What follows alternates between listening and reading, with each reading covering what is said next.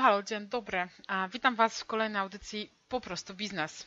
A dzisiaj odcinek poświęcony podatkowi VAT, ponieważ bardzo często trafiają do mnie pytania, a czy różni się coś w VAT-ie pomiędzy działalnością gospodarczą a spółką, jak muszę się zgłosić, kiedy muszę to zrobić, a co to jest ta właściwie wizja lokalna, jaki mam podać adres, a co zrobić, jak mam wirtualne biuro.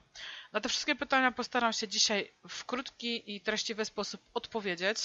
Więc zacznijmy od tego, że ustawa o VAT jest jedna, co oznacza, że jeżeli ktokolwiek z Was zastanawia się, czy mm, podlega VAT-owi temu czy innemu, to wszyscy podlegamy tej samej ustawie o podatku VAT.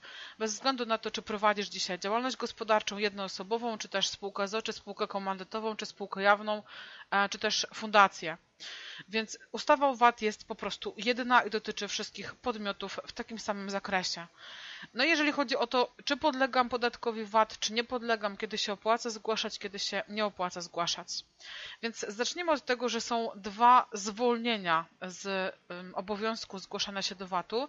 Mamy zwolnienie podmiotowe, to oznacza, że podmiot, w sensie firma, jest zwolniona z VAT-u i to ma miejsce w momencie, kiedy nie osiągamy obrotu 200 tysięcy rocznie. Mówimy o złotówkach, także 200 tysięcy złotych rocznie. To jest limit, który obowiązuje od 2018 roku na 2019 e, nie został zmieniony, e, natomiast istnieje szansa, że w kolejnym roku na przykład będzie wyższy. Natomiast generalnie nie osiągamy limitu obrotu i wtedy nie musimy zgłaszać się do VAT-u. Oczywiście, jeżeli nie odprowadzamy VAT-u e, do zapłaty, to również nie mamy prawa odliczać sobie VAT-owych kosztów, a więc każda faktura faktura, którą płacimy na rynku, a większość z nich jest opodatkowana podatkiem VAT, wrzucamy sobie w koszty w formie e, kwoty brutto, e, czyli jakby nie rozliczamy tego na podatek dochodowy i VAT. E, tak działa zwolnienie podmiotowe. Natomiast zdarza się tak, że bez względu na to, czy jesteśmy mm, osiągamy limit, czy też nie, to i tak jesteśmy zobowiązani zgłosić się do VAT-u bez względu na limit. I to są takie wyjątki, które mm, mówią o tym, kiedy trzeba się zgłosić. No i teraz między innymi e, to są usługi doradcze, e, to są informacje, jeżeli wyrabiacie e, coś z metali szlachetnych, jeżeli budujecie nowe środki transportu, jeżeli prowadzicie usługi prawnicze czy jubilerskie. E, to między innymi najczęściej występujące branża, gdzie zawsze jesteśmy zobowiązani zgłosić się do VAT-u, nawet jeżeli nie osiągamy tego limitu. E, I tutaj też bardzo często pada pytanie, a co jeżeli w PKD mam usługi doradcze, usługi prawnicze, a ich nie realizuję? Jeżeli ich nie realizujesz, nadal masz prawo korzystać ze zwolnienia. To, że masz to wpisane w PKD, nie oznacza, że tego typu usługi wykonujesz. Do momentu, kiedy ich nie ma, to jesteś, znaczy masz prawo korzystać do podmiotowego zwolnienia z VAT-u. Więc to jest jakby pierwsza sytuacja. Druga sytuacja jest w momencie, kiedy przekraczasz te 200 tysięcy, no i oczywiście musisz zgłosić się do VAT-u obligatoryjnie. No i w tym momencie, jeżeli nie prowadzisz żadnych usług, które z tego VAT-u są zwolnione, e, to płacisz VAT. E, więc e, w momencie, kiedy przekraczasz limit, zgłaszasz, zgłaszasz się do VAT-u i tyle. I tutaj znowu są pewne wyjątki. Mamy zwolnienia przedmiotowe, czyli jakby z uwagi na przedmiot prowadzonej działalności, na, na to, co w tej działalności realnie robicie. I teraz, co jest zwolnione z VAT-u? Bardzo jasno i klarownie wyjaśnia artykuł 43 ustawy o VAT. Tam jest, e, nie wiem, z 10 stron, więc bardzo trudno jest je zacytować. Natomiast to są takie usługi typu nauka języków obcych, niektóre usługi związane z oświatą, e, na przykład usługi dentysty czy lekarzy, psychologów e, są zwolnione z podatku VAT bez względu na kwotę obrotu. Więc jeżeli na przykład w waszej działalności prowadzicie usługi języka angielskiego, znaczy nauki języka angielskiego i oprócz tego na przykład szkolenia sprzedaży sprzedażowa, e, już macie ten limit VAT-u e, zrealizowany, czyli powinniście się zgłosić do VAT-u, to od usług szkoleniowych odprowadzicie 23% VAT-u, natomiast usługi nauka języka angielskiego będą z tego VAT-u e, przedmiotowo zwolnione. Nazywa się to VAT proporcjonalny, czyli w takich samych proporcjach jak macie przychody, w takich samych proporcjach możecie rozliczać koszty VAT-owe, czyli nie wszystkie koszty VAT-owe będą realnie wrzucone w wasze koszty. No i teraz bardzo często też pytacie mnie, jak do tego VAT-u się zgłosić. Generalnie służy do tego deklaracja VAT-R i tam wypełniacie e, odpowiednie dane, pola, zaznaczacie krzyżyki, składacie ją w urzędzie. Urząd chyba od zeszłego roku, ale może nawet od 2017 roku, ma obowiązek przeprowadzać wizję lokalną. To znaczy muszą pojechać fizycznie na miejsce, które wpisaliście w deklaracji VAT i sprawdzić, czy istnieje ta firma. E, od momentu wizji lokalnej mają 30 dni na rejestrację Was do VAT-u. No i teraz też często pada pytanie, czy ja mam czekać, aż mnie zarejestrują, czy od razu się rozliczać.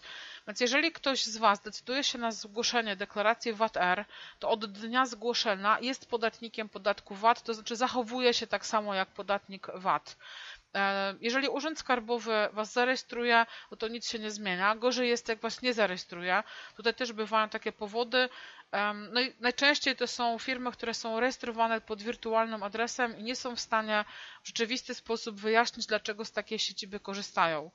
E, z takiej siedziby najczęściej korzystają firmy, które, których właściciele pracują w domu, albo też e, pracujemy w, u klienta na przykład. W tym momencie, mając wirtualny adres, trzeba do VAT-UR dołączyć oświadczenie, e, w którym napiszecie, dlaczego nie można Was w tym wirtualnym adresie zastać, bo jeżeli nie będzie takiego oświadczenia, to Urząd Skarbowy prawie na pewno odmówi rejestracji do VAT-u.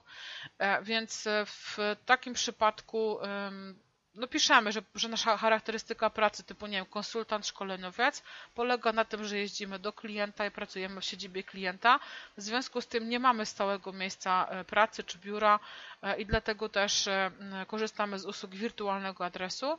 Jeżeli ktoś z Was z powodów, nie wiem, bezpieczeństwa woli wirtualny adres i sobie i tak wynajmuje siedzibę, to zawsze zgłaszając się do VAT-u możecie napisać oświadczenia, że owszem, siedziba jest na wirtualnym adresie, ta oficjalna, natomiast rzeczywiście Rzeczywiście biuro mieści się pod tym i pod tym adresem i Urząd Skarbowy powinien przyjechać na wizję lokalną pod rzeczywisty adres e, prowadzenia e, Waszej firmy.